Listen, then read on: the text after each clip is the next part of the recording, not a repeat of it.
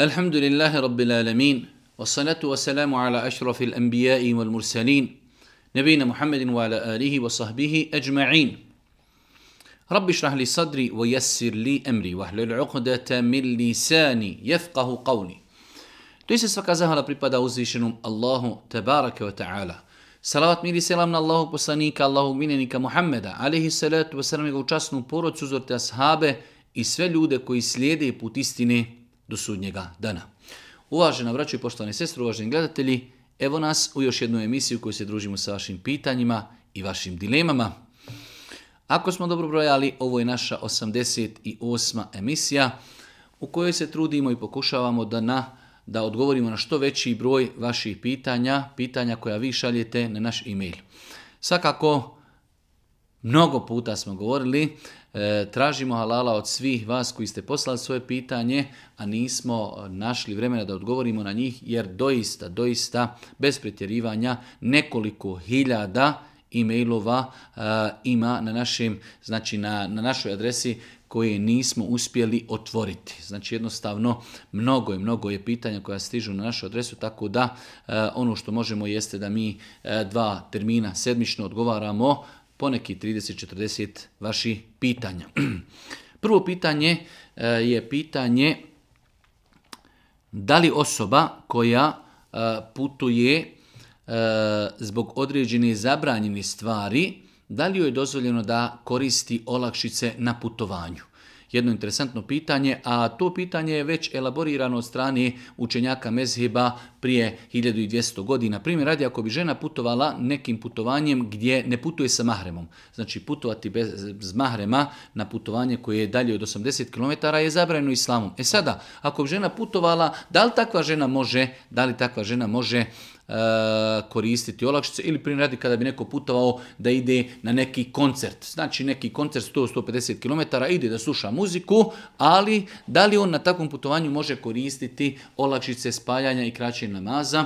Dio učenjaka je to doista i zabranio, jer su kazali nelogično je čovjek putuje i na tom putovanju radi određen haram, a s druge strane koristi Allahove olakšice ali je ispravno mišljenje, Allah najbolje zna da te dvije stvari nemaju uzročno posljedičnu vezu, tako da jedna je stvar što čovjek putuje i radi na tom putovanju nešto što je zabrajno, a druga je stvar da je uzvišen Allah te ta'ala dozvolio svima onima koji se zovu musafir ili putnici da uživaju određene privilegije eh, od kojih su i spajanje i kraćenje namaza ili eh, kada je u pitanju potiranje po na mestama tri dana i tri noći. Isto tako da ako je u pitanju post da ne moraju postiti na putovanju.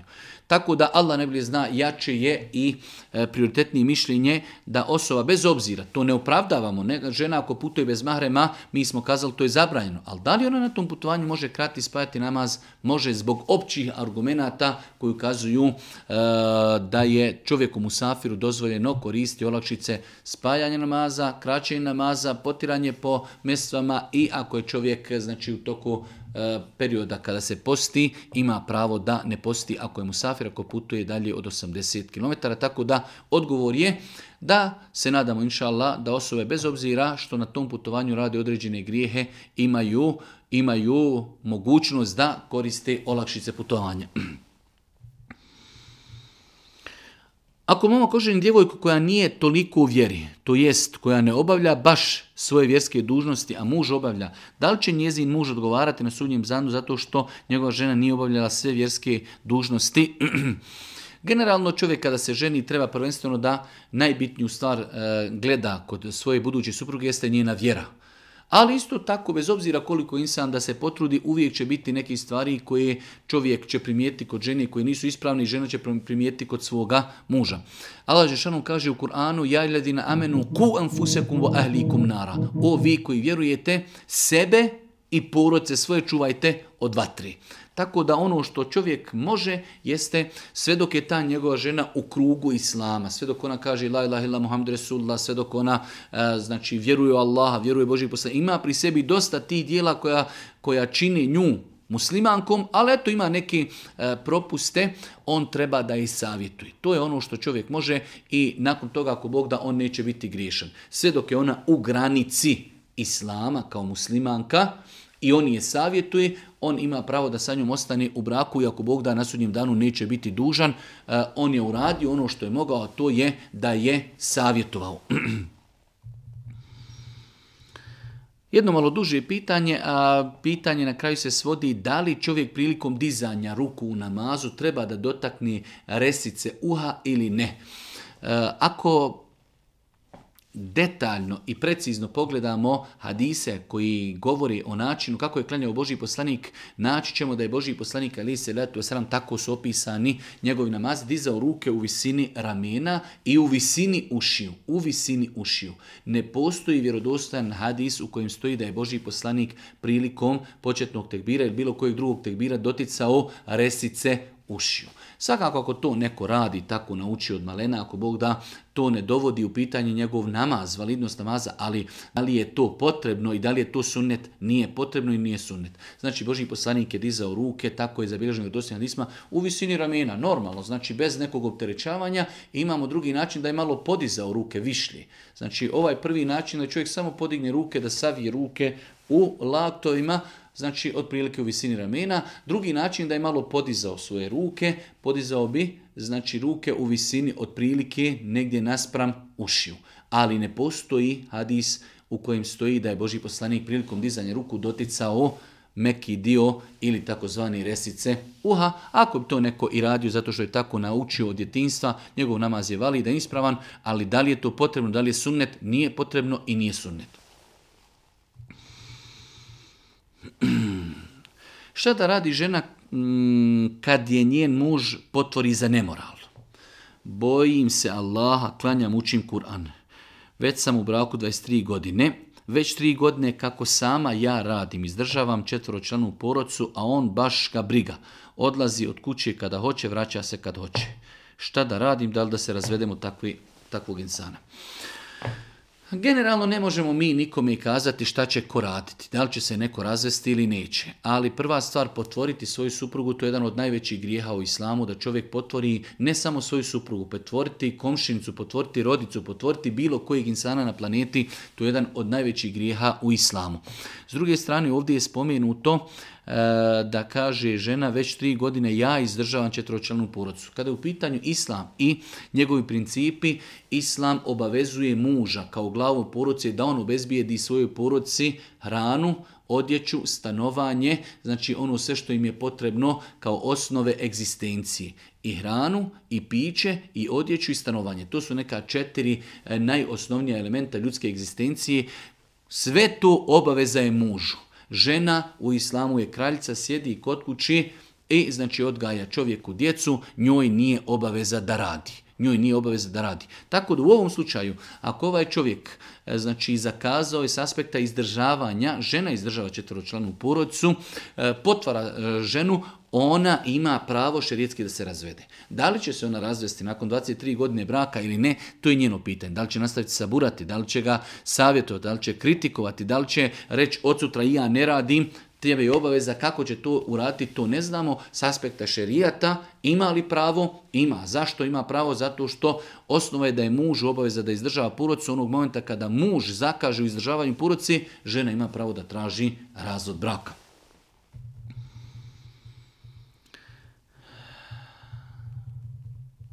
Bila sam u gostima, gdje sam noćila te sam imala, tako piši, seksualne snove. A ja ne znam da li sam džunup ili ne. Klanjala sam, ali me strah da li mi namaz nije ispravan. Da li da sve namaze naklanjam kada dođem kući? Allahom poslaniku alihi salatu wasalam došla je žena i kazala je Allahu poslaniće uzvišeni Allah se ne stidi istine. Hadis je vjerodostojan. Pa kaže, da li je obaveza ženi da se okupa ako žena doživi u snu? Znači, e, poluciranje. Žena pita Božijeg poslanika, ali napravila je uvod. Pitaću nešto što je intimno, ali Allah Žešanu je objavio vjeru koja definiše i reguliše sva pitanja, pa i pitanje intimi. Pa kaže žena Božijem poslaniku, je li obaveza ženi da se okupa ako i ona u snu, kao i muškarac, doživi e, poluciranje? Pa joj kaže Boži poslanik alihi salatu wasalam Nam idha ra'atil ma. Da, ako ona vidi tragove vodi, ako vidi tragove tečnosti, znači poluciranja, ako žena na svome vešu, ako je imala, evo ovdje sestra kaže seksualne snove, ako je imala, znači snove eh, u kojima je doživjela intimni kontakt ili nešto slično to mi, kada se probudi, ako žena na vešu vidi tragove, ali koje tragove?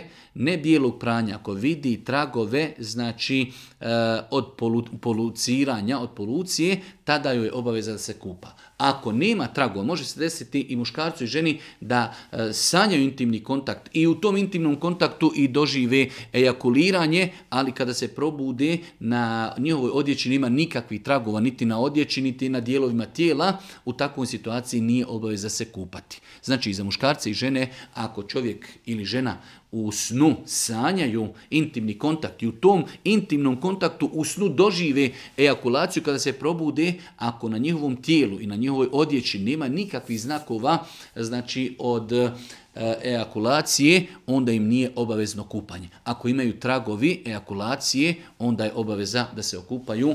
Jasno je to odgovorio Boži poslanik, alihi salatu wasalam. Naučio sam 25 ajeta sure Ar-Rahman od početka i volio bih da ih učim u namazu, ali me zanima imali li neki propisi i tako dalje. E, nema smetnje da čovjek ako nauči određenu veću suru, nauči dio te sure i da taj dio sure uči na namazu. Imamo sure koje su e, bekara 49 stranica i druge sure koje imaju po 20, 25, 30 stranica i tako dalje. E, da li čovjek može samo dio određene sure učiti na namazu? Apsolutno da. Nema nikakve smetnje da čovjek koji je naučio 25 ajeta sure Ar-Rahman, da li da to podijeli opet ili sve to da prouči na jednom rekiatu, na drugom rekiatu da uči neku kraću suru, sve je to ako Bog da ispravno i dopušteno. Da li se valja kupati poslije akšama, na večer?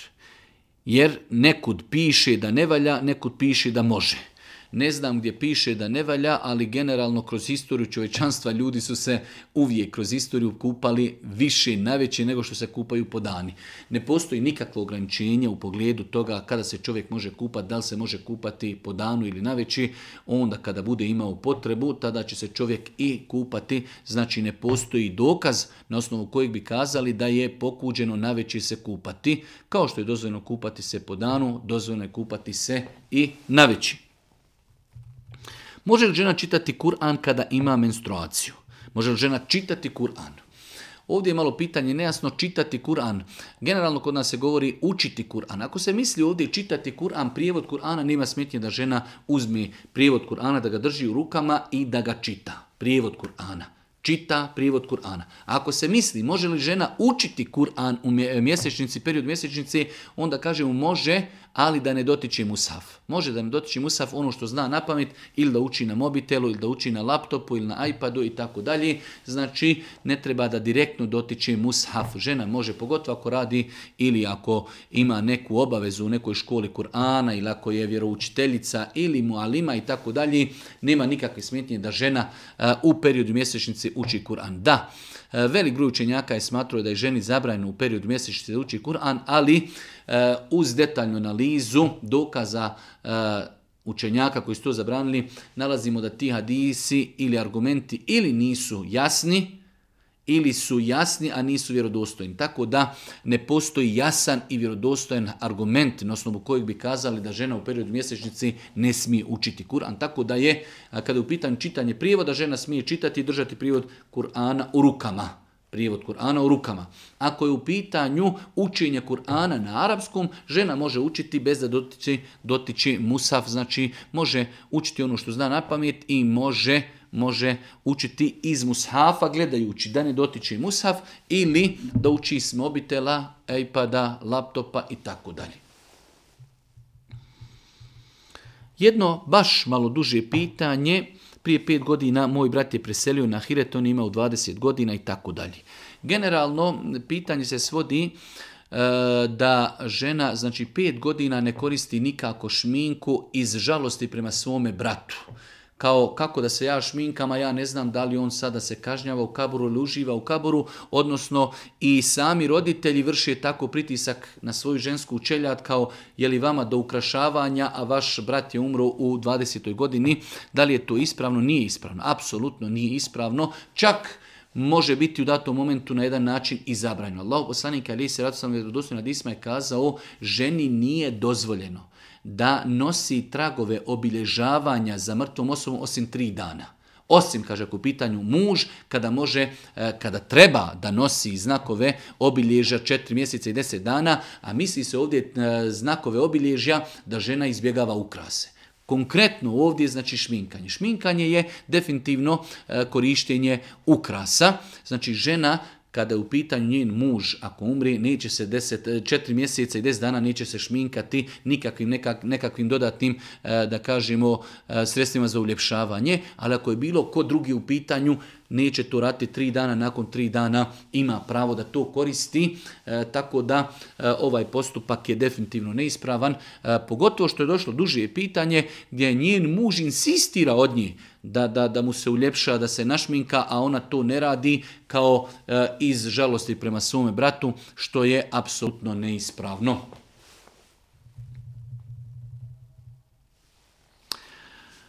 Ako se muž i žena posađaju, pa žena u ljutnji kaže mužu ja se razvodim od tebe, a muž da bi ušutio i da bi stala da priča kaže, e, kaže joj dobro, dobro u redu, ne misleći na razvod. Da li su njih dvoje razvedeni? Nisu razvedeni iz razloga što ne može se žena razvesti od čovjeka. Ovdje žena kaže ja se razvodim od tebe. Ne može se žena u islamu razvesti od čovjeka. Razvod u islamu je u rukama muškarca. E sada, može doći situacija kada žena ne želi da živi više sa svojim čovjekom, problemi, mržnja i tako dalje. Tada smo govorili e, da postoji nekoliko načina, validni šerijetski načina kako žena može da se rastavi od svoga čovjeka, ali opet ne može ona reći čovjeku ja se od tebe razvodim. Tako da neispravno da žena kaže svom čovjeku ja se od tebe razvodim i da to smatra kao razvod braka. To nije razvod braka. E, pogotovo ovdje što čovjek E, nije to prihvatio od nje, već je kazao dobro, deu šuti, samo da završiš sa tom pričom, tako da e, nikako e, se ovakav postupak ne smatra razvodom braka.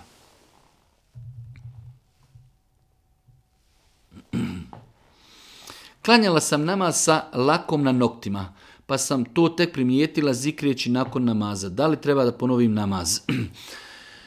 da li je ispravan namaz žene čiji e, nokti su nalakirani. E, u takvoj situaciji gledamo kada je žena nalakirala nokte. Ako se desilo da je žena abdestila, nije imala lak, i nakon abdesta nalakirala nokte i klanjala, nje namaz je validan.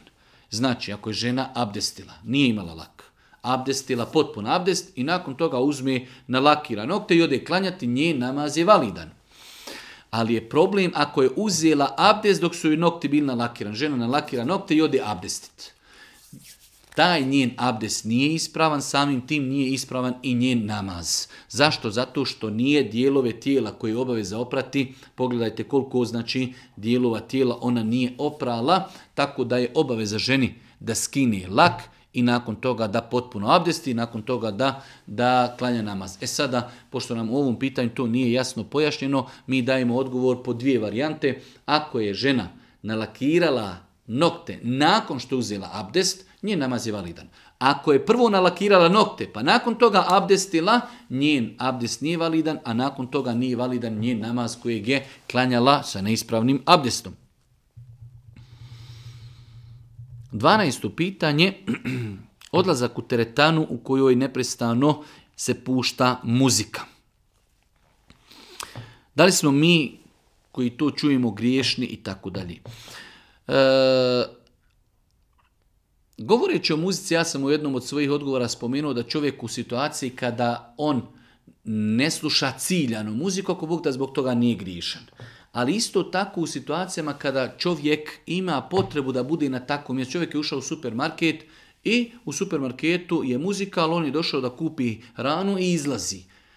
On neće tu ostati više nego što mu treba, ali dolazak u teretanu ciljano, da čovjek zna da se tu sluša muzika, e, pod izgovorom e, nisam ja pustio tu muziku, poprilično je sporan. S druge strane, ako čovjek može, ostaje onaj moment da će ga ipak neko tu vidjeti, možda njemu kao vjerniku tu ne doći da bude, ali da čovjek stavi slušalce u uši i da pusti sebi možda učenje Kur'ana ili učenje Ilahija ili neko predavanje. Na taj način možda da izbjegne slušanje muzike. Sad ostaje taj moment da li će, da li će neko vidjeti tog čovjeka tu i reći pa i ti hađija, zar dolaziš ovdje, ovdje trešti muzika. To je ovo sve, govorimo s aspekta samo ako je jedini problem u teretani muzika ali ako u jednu teretanu dolaze osobe koje otkrivaju avrete ili osobe koje e, i muškarci i žene, u takvom slučaju čovjek, čovjek koji je zabranjeno da ide u teretanu. Znači, pogled na teretanu možemo gledati sa, sa određenih aspekata. Ako u teretani dolaze i muškarci, i žene, i ljudi otkrivenih avrijeta, e, bez obzira bili muškarci ili žene,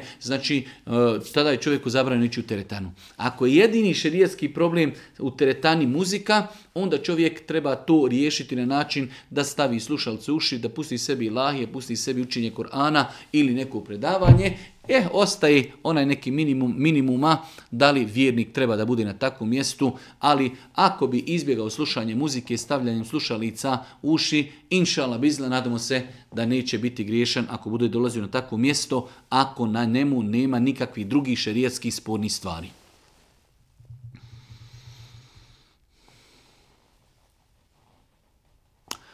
Opet pitanje sa mravima jer sam nedavno objavio postu kojim sam spomenuo životinje koje su zabranjene da se ubijaju, pa nam kaže ova osoba, pročitaj da je zabranjeno ubiti mrava i sada ne znam šta da radim, imamo problem sa mravima u cijeloj zgradi. Svi stanovi imaju žute, male mrave koji idu kroz električne instalacije. Cijeli život izbjegavam ubiti bilo kako životinju i tako dalje. Generalno, znači mi smo kazali e, hadisi u kojima se spominje da je zabranjeno ubiti određenu životinju, misli se ubiti je bez toga da životinja uznemirava čovjeka. Mrav, znači sjediš ti na polju i mravi pored tebe hodaju i ti uzmiješ i udaraš te mrave. To je zabranjeno ali e, riješiti se štetočini, riješiti se uznemiravanja bilo koje životinje u islamu je dozvoljeno. Tako da i pitanje mrava, čovjek ako ima problema sa mravima ili drugim insektima koji ga uznemiravaju, ne može ih, ne može ih riješiti osim da će ih posuti, politi, pošpricati nekim sprejom ili, ili neki, na neki drugi način kako bi obezbijedio sebi normalan život. U tome, ako Bog da, nema ništa sporno i nije griješan zato što na taj način e, e, rješava se onoga što ga uznemirava.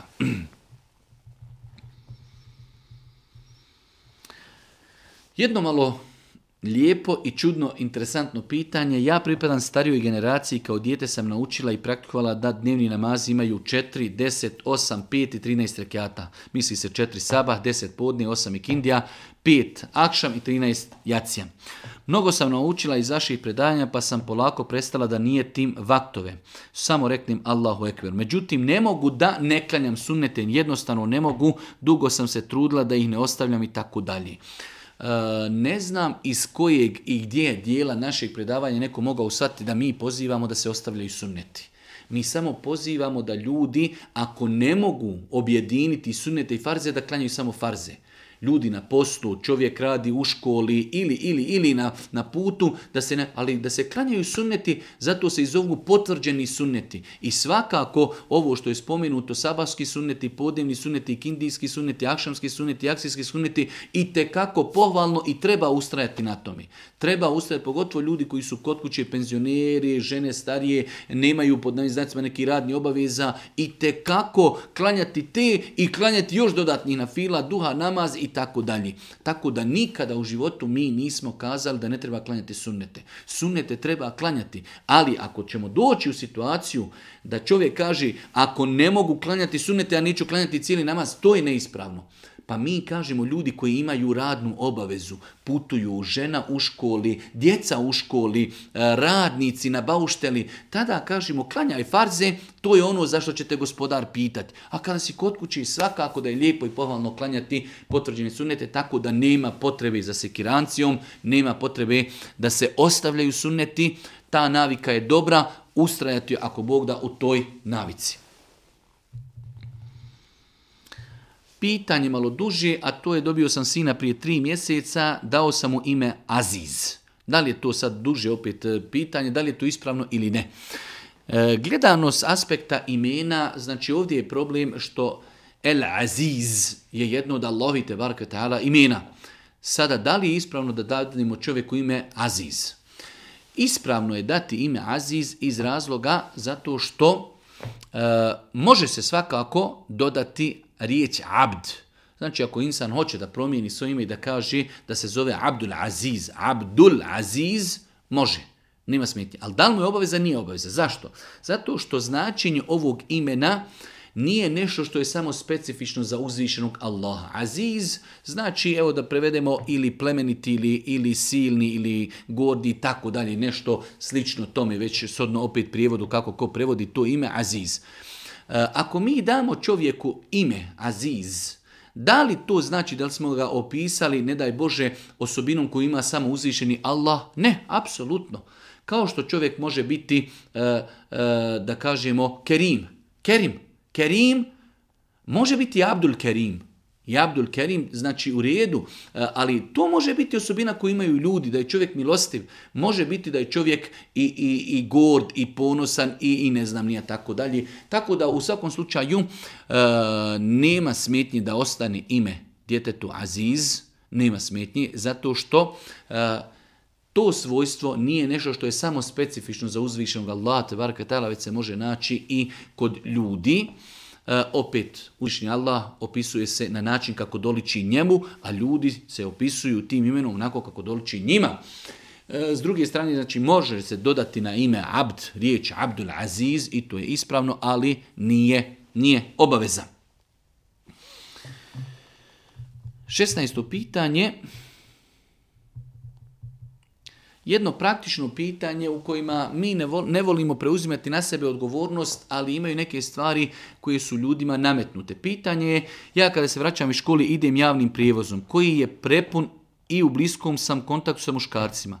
Kuća mi je daleko, šta, šta da radim po tom pitanju? I još jedno pitanje, na časovima ponekada moramo da radimo u paru sa muškarcima i često sam u fizičkom kontaktu sa njima i tako dalje. Ja sam pokrivena, šta da radim?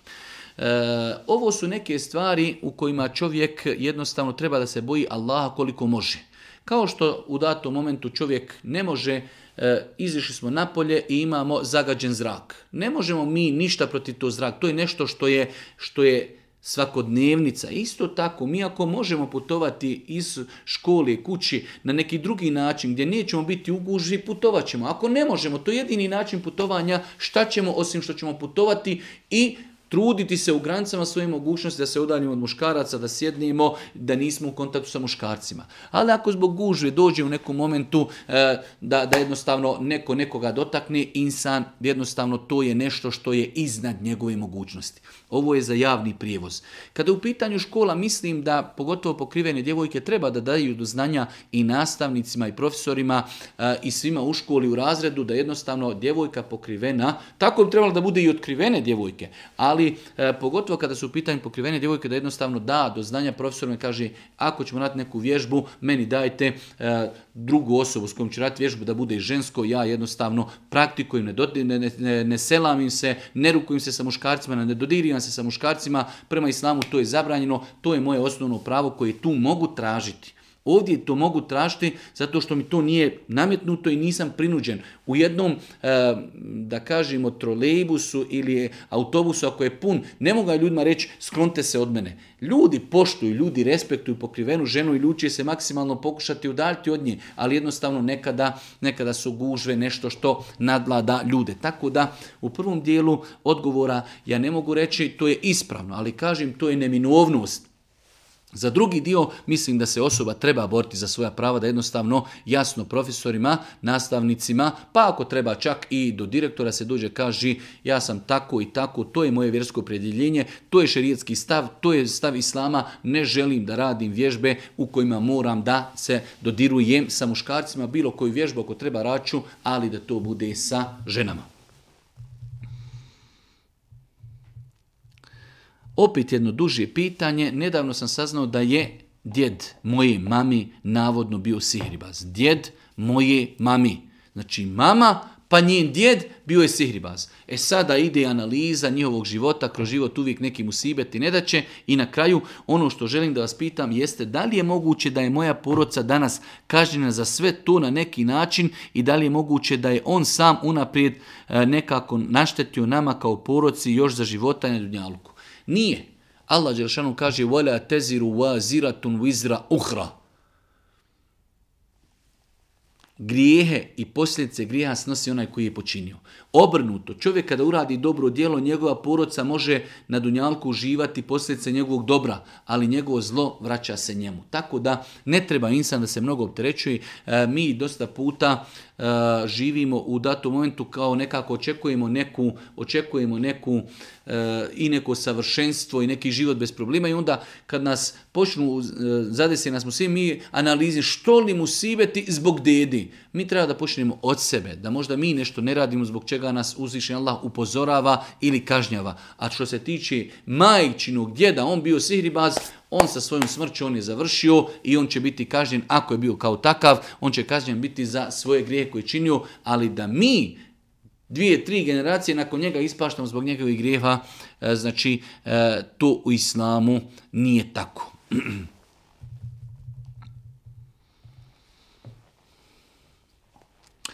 Da li je pokuđen učiti u namazu kuranske sure ili ajete suprotno redoslijedu kojim, kojim su poredan u časnom Kur'anu? Na primjer, da na prvom ja učim suru El Ihlas, Kulhu Valla, a na drugom eh, Tebe tjeda Ebi Leheb.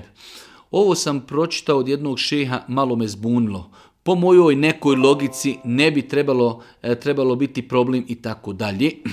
U svakom slučaju, pitanje, e, poznato pitanje koje je još analizirano od strane Mezheba prije 1200 i 300 godina, da li je pokuđeno da čovjek u namazu uči sure onako kako nisu porijedane u Kur'anu. E, istini za volju velik broj učenjaka je smatrao da je lijepo i pohvalno da čovjek kada uči sure u e, namazu, evo na ovom primjeru, na prvom rekao će učiti tebe tjeda, a na drugom će učiti, znači učit će kulhuvalla ili felek ili nas. Da ide, znači od sure El Bekara prema, prema suri kul euzubi rabbi nas. To je pohvalno i lijepo.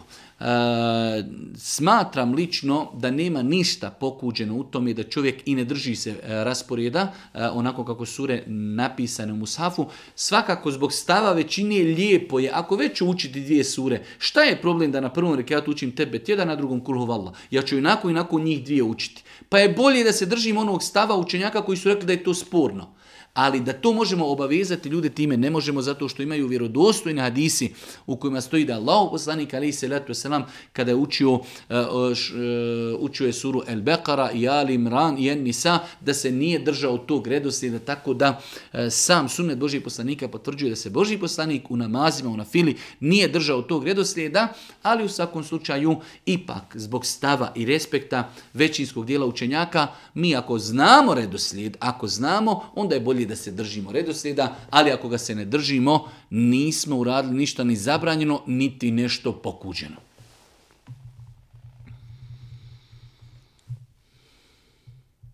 Imam otvoren račun u banci i da li mogu preko banke putem mobilne aplikacije da plaćam račune struja, voda, odvoz smeća i tako. Banka uzma 60 venga po uplatnici transakciji. Tako su mi rekli. Da li ja to mogu tako plaćati ili ne? Svakako da može. Zašto? Zato što to što e, banka naplaćuje njihova usluga, plaćanje i naplaćivanje usluge koju oni vama daju.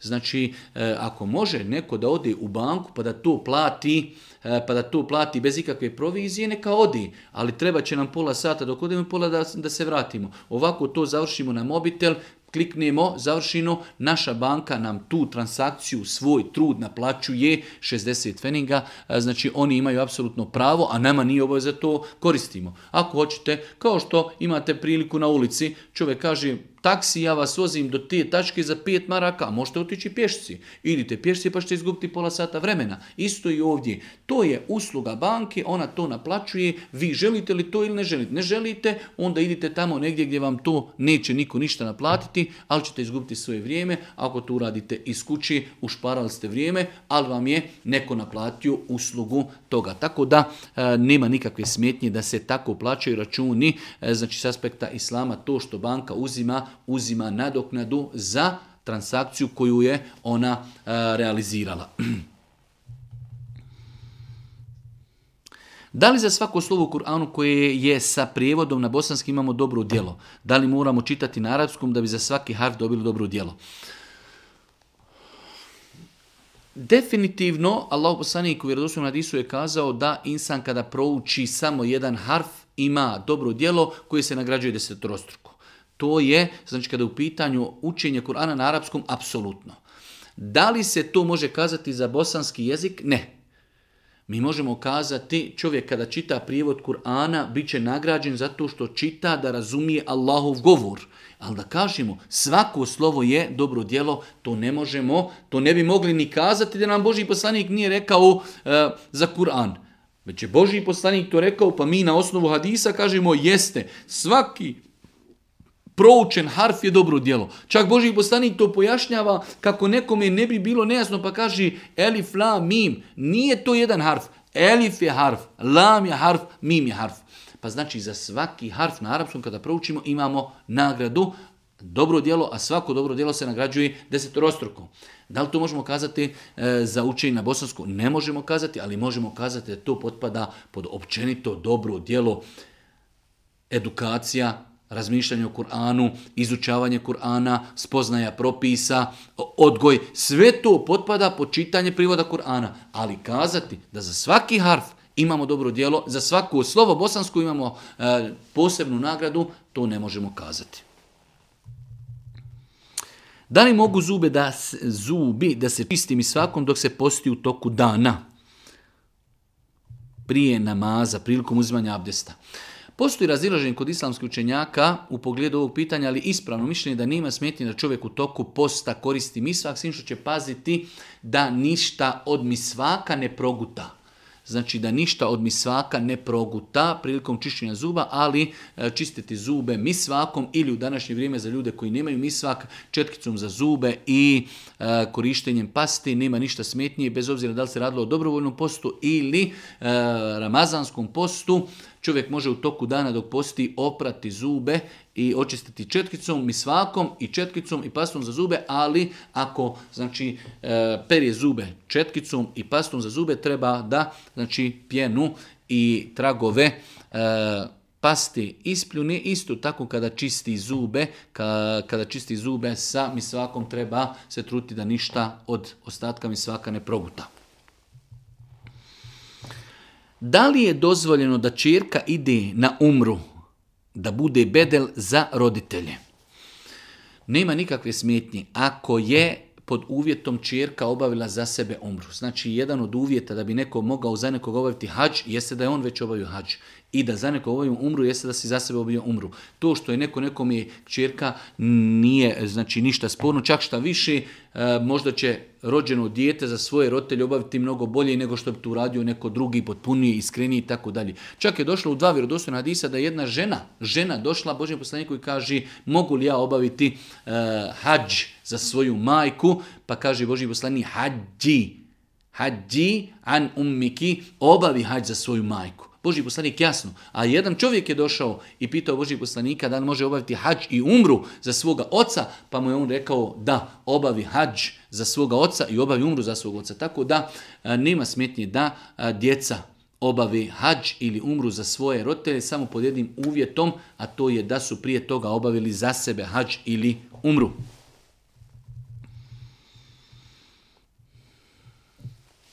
Jedno opet malo duže pitanje, E, u kojem e, stoji pošto moje znanje o islamu nije baš veliko, ali nastojim da se edukujem uz vaša predavanje tako dalje.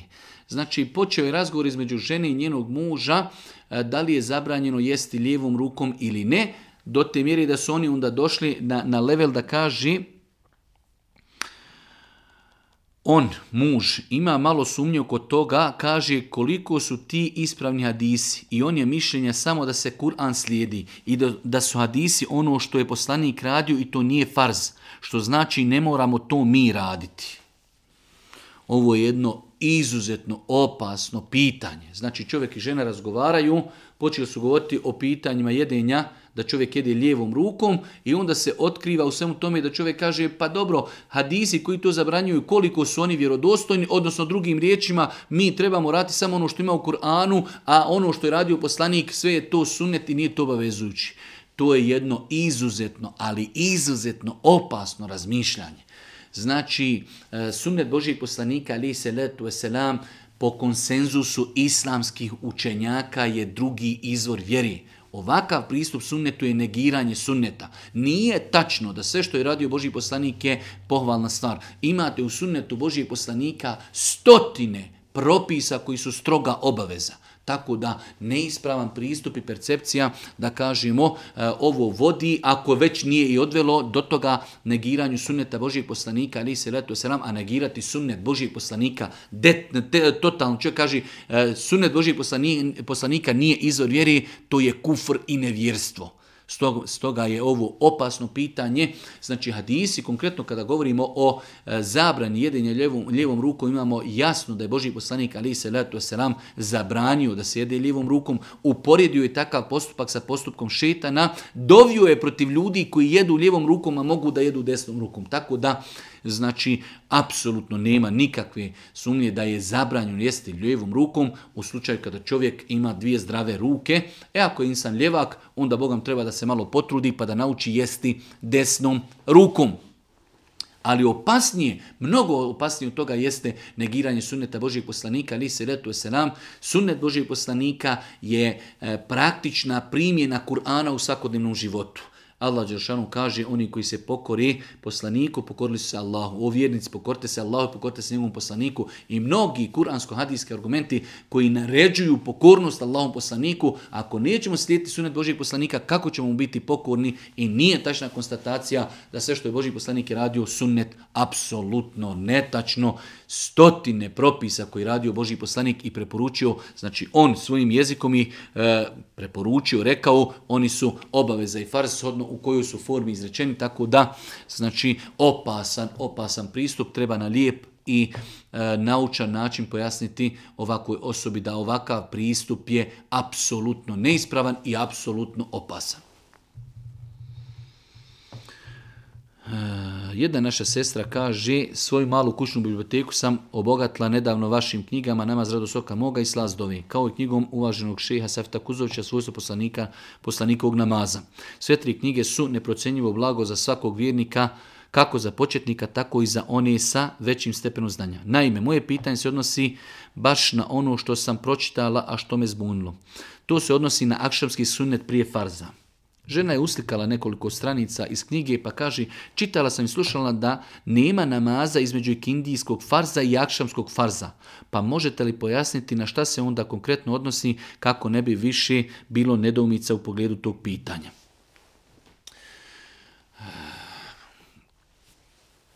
Ovdje je došlo samo do jednog malog nesporazuma, odnosno neispravnog razumijevanja stvari. Zabranjeno je klanjati na filu od vremena kada čovjek klanja i kindiju do zalaska sunca. To je period kada je zabranjeno klanjati na filu. Znači, klanjali smo i kindiju, rećemo da je ikindija u dva sata, u četiri sata zalazi sunce. Do četiri sata je zabranjeno klanjati opću na filu. Kada zađe sunce, zalaskom sunca uči se ezan sama zabrana učinjem ezana, nastupanjem akšama je e, završena. Više nije, zabrana više ne traje. E to je ovu našu sestru zbunilo. Zašlo je sunce, učimo Ezana, nastupio je akšam. E sada je pohvalno i lijepo nakon ezana, a prije i kameta, da se klanjaju dva rekiata i to je e, odobrio i podsticao Boži poslanik. Klanjajte prije akšama, klanjajte prije akšama, klanjajte prije akšama ako želi. Ashabi su nakon što bi se proučio ezan, znači klanjali, rasporedili bi se po džami Božih poslanika i klanjali bi, kaže, e, kražu prenosioci, kada bi neko došao, pomislio bi da su to sunneti koji se klanjaju nakon farza, koliko bi ljudi klanjalo te sunnete. Pa je sunnet praksa, znači ashaba da su klanjali te sunnete i Boži poslanik ih je preporučio. Kada? Nakon što sunce zađe, prouči se ezan. Kod nas u Bosni je praksa da se prouči jezan i odmah se uči farzi, ali uključite satelitsku antenu i pogledajte praksu u Mekki Medini. Svaki dan možete pogledati, uči se akšamski ezan, ostavi se 10 minuta, 5, 7, 10 minuta za osobe koji želi da praktikuju taj sunet, da klanjaju dva rekiata, nakon toga se uči i kamet. Tako da, znači, to su ta dva rekiata koja ne potpadaju pod 12 rekiata potvrđeni sunnita, ali su lijepo, ali je lijepo ako ima vremena, pogotovo e, kad su u pitanju žene kod kuće, one to mogu svakako klanjati. E, ljudi u džamiji mogu to klanjati iz razloga što je poslanik preporučio, a imamo opći hadisa da je poslanik rekao između ezana i kameta uvijek se može klanjati dva rekiata. Tako da e, pojašnjenje je da ova dva rekiata ne potpadaju po 12 rekiata potvrđenih sunnijeta. Lijepo je u džematu da se prouči jezan i da se ostavi 5 minuta, 7 minuta eh, između ezana i kameta da ljudi koji žele da praktikuju taj sunnet da ga upraktikuju. Eh, ova dva rekiata se klanjaju nakon učenja ezana.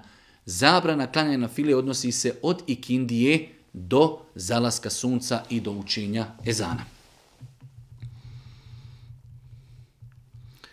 25. pitanje vezano je za istiharu. Cijenjeni naš Efendija, e, cijenjeni naš Efendija mi je objasnio da to klanjamo kad donesemo odluku pa želimo dobiti odgovor da li sam donijela ispravnu odluku i da li je ta odluka dobra prema meni. Dok jedna moja prijateljica je shvatila istiharu tako što misli da se istihara klanja kada je insan u dilemi između dvije odluke. Šta je u svemu tome ispravno? Ispravno je drugo. Ispravno se istihara klanja onda kada želimo donijeti odluku. Zato se u istihari, kada bi pročitali e, prijevod dovi istihari namaza, kaže gospodaru ja ne znam, ti znaš.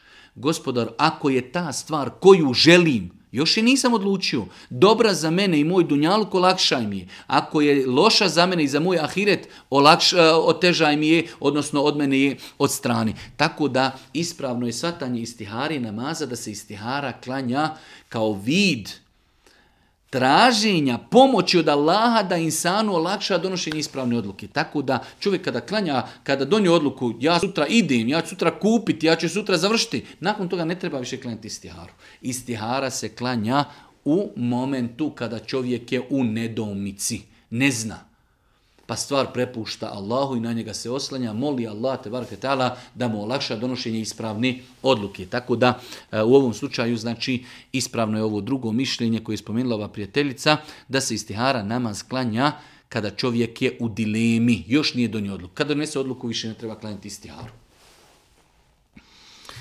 Da li kada muž i ja klanjamo, nama zajedno treba da ga pratim ili da svako za sebe klanja?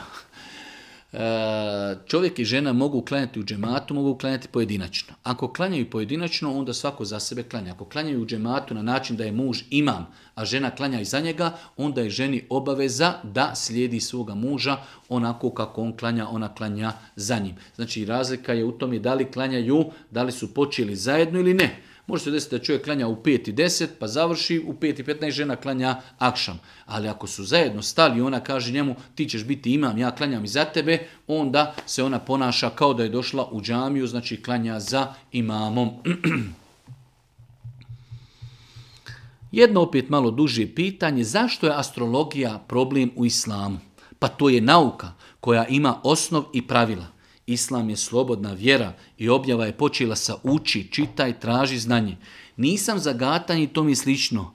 Nik nikom sem Allah, e, niko sem Allaha ne zna šta će biti i šta će se desiti, ali univerzum je beskrajan, galaksija je mnogo, planete iz naše galaksije i naših sunčevog sistema su ogromne i fakat je da zvijezde i planete mogu imati utjecaj na zemlju i život na zemlji, na nas, ljude i općenito dešavanja. Sve je to naučno potkrijepljeno, stoga mi nije jasno da se to, da se to smatra kao da sam se približio šeitanu. Eh, imam osjećaj u datom momentu, a možda i nisam u pravu, da ovaj naš brat je polupao lonče između astronomije i astrologije. Astronomija je nauka koja se bavi izučavanjem kretanja nebeskih tijela. Astronomija. Zapamtimo, dva termina. Astronomija, astrologija. Astronomija, nauka koja se bavi izučavanjem kretanja nebeskih tijela. Astrologija nije nauka to je kvazi nauka, pokušaj nauke da se dokaže da kretanje nebeskih tijela u kosmosu ima utjecaj na zemlju, to je prema islamu strogo zabranjeno. Nije to nauka, niti postoje pravila te nauke. Ako je nauka, kažete nam gdje ima ta nauka, pa da je mi pročitamo. Znači, astrologija nije nauka ne može niko imati uticaj. Uticaj, ako kažem uticaj, sunce grije na zemlju i ima uticaj na zemlji. To, taj uticaj da, fizički. Ali uticaj, ako zvijezde krenu lijevo, mi ćemo na zemlji biti sretni ili nesretni, bit ćemo raspoloženi ili neraspoloženi, apsolutno ne. Znači moramo razgraničiti između ta dva pojma astronomija, nauka koju podržava islam i postiče na njeno izučavanje i muslimani su možda i utemeljitelji te nauke, nebeska tijela i njihovo kretanje njihovi položaji i njihov e, uticaj u smislu na zemlju, ne da oni utiču, vego evo, sunce izlazi u šest, zalazi u četiri i tako dalje. Zima će trajati toliko, e, e, proljeće će trajati toliko, to je uticaj ti e, nebeskih kretanja na zemlju. Ali da imaju uticaj na našu sudbinu, apsolutno ne. I to je strogo zabranjeno u islamu, tako da astrologija ne, astronomija da.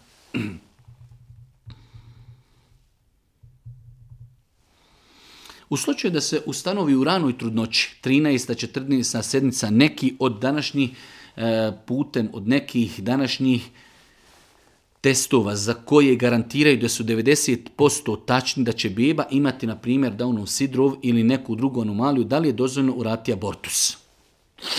Nije ovo rana trudnoća. Radna trudnoća, rana trudnoća bi mogla biti u prvih 40 dana u islamu u prvih 40 dana prema islamu, to bi se moglo smatrati po nekoj najvećoj verziji i najvećoj toleranciji islamskog učenjaka da to bude da to bude e, znači rana trudnoća, ali trudnoća od 13, 14 sedmica to je e, već znači e, prešli smo, imamo u islamu tri faze kroz koje prolazi dijete, imamo 40 dana, pa 80 dana, pa 120 i došlo je u vjerodostojnom hadisu da se u 120 dana dijetu udahnjuje duša E sad u ovom periodu od 80 do 120 imamo učenjaka koji kažu da se u 80 dana e, dijetu udahnjuje duša, tako da to je već e, period kada ne bi smjeli razmišljati o abortusu.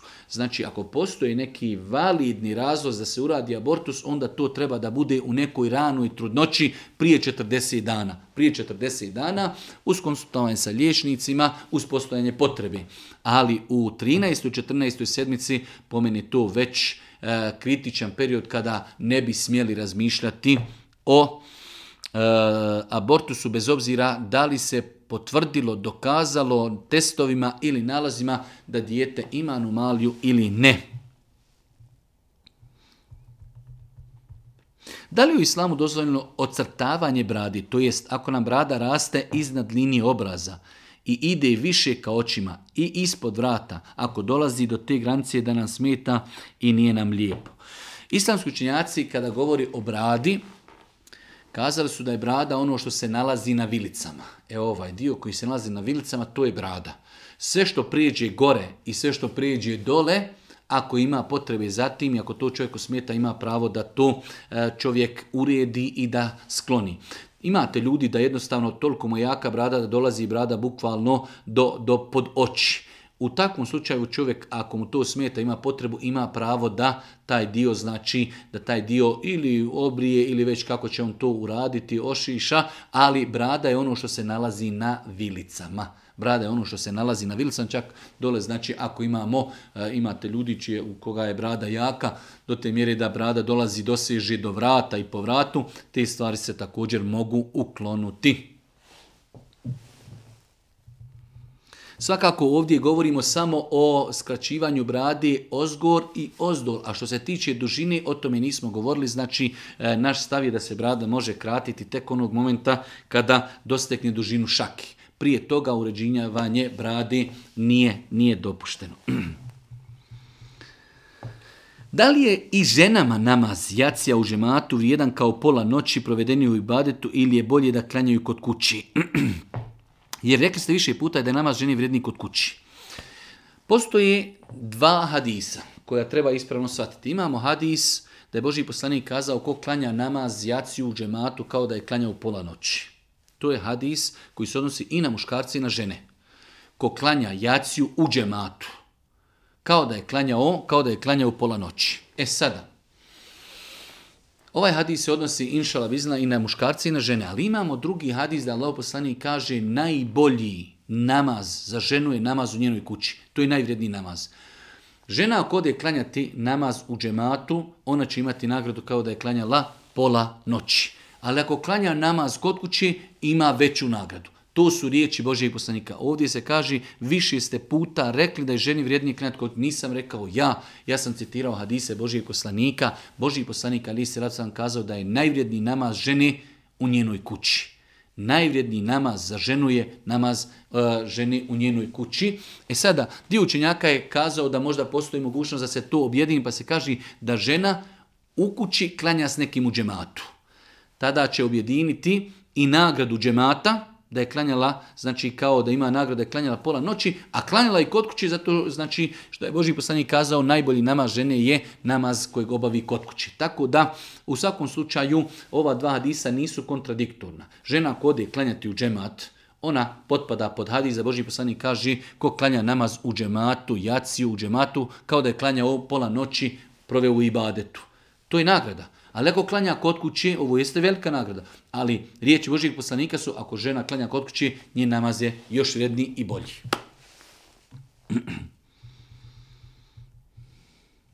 Radim u jednom fast foodu i klanjao sam jedne prilike i kindiju u patikama, na seđadi. A inače skidam obuću. Ali eto, tada nisam. Pa me zanima da li je taj namaz ispravan. E, mm, čovjek,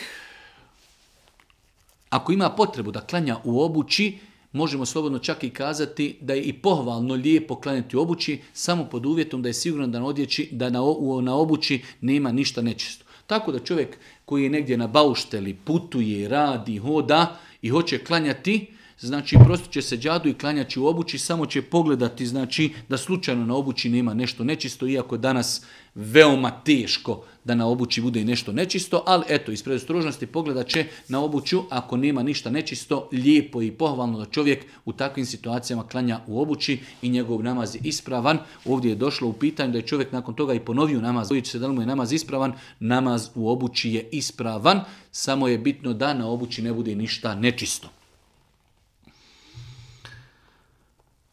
Često čujem da žena traži za mehr da muž nauči neku mm, suru kuransku. Da li je to ispravno? Nije ispravno.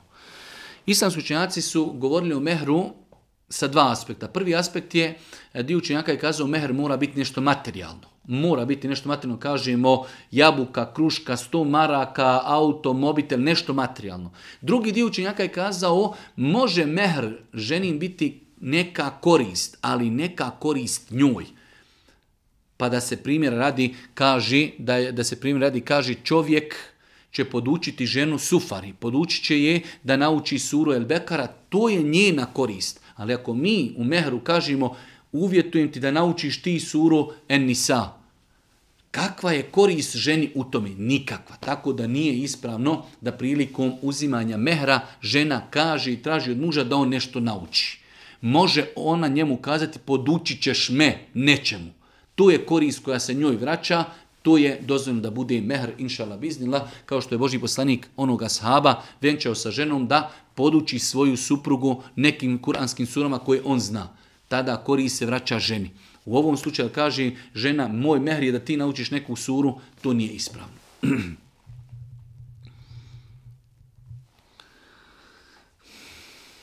Zadnje pitanje, pitanje E, malo čudno, ali odgovaramo i na čudna pitanja. Da li je tačno da ako žena u postelji sa svojim mužem, znači samo da su u postelji i ako se dotaknu samo njihova tijela, bez bilo ikakvog intimnog kontakta, da li im je obavezan gusul? Apsolutno ne. Ne znam da je ikada iko od učenjaka kazao da je supružnicima obavezan gusul od samog kontakta. Tako je pojašnjeno ovdje kaže e, dodir ruke sa rukom. Znači, pa na taj način šta je razlika u postelji u toku dana ako čovjek poselami svoju suprugu. U svakom slučaju gusul postaje obavezan u dva slučaja ili ako je došlo do ulaska muškog spolnog organa u ženski spolni organ ili eventualno ako je e, bilo naslađivanje između muškarca i ženje njegove supruge, pa ako je neko od njih dvoje doživio ejakuliranje sjemena, onda je zbog toga obavezan da se okupa. Sve mimo toga nije obaveza. Znači imamo obavezu ako je došlo do ulaska muškog spolnog organa u ženski, to je e, znači bez obzira ako i nije došlo do ejakuliranja sjemena, može se desiti da e, muškarac, muž i žena imaju intimni kontakt i nisu, nisu znači imali ejakuliranje sjemena, ali ako je došlo do ulaska muškog spolnog organa u ženski, onda je e, gusul obavezan.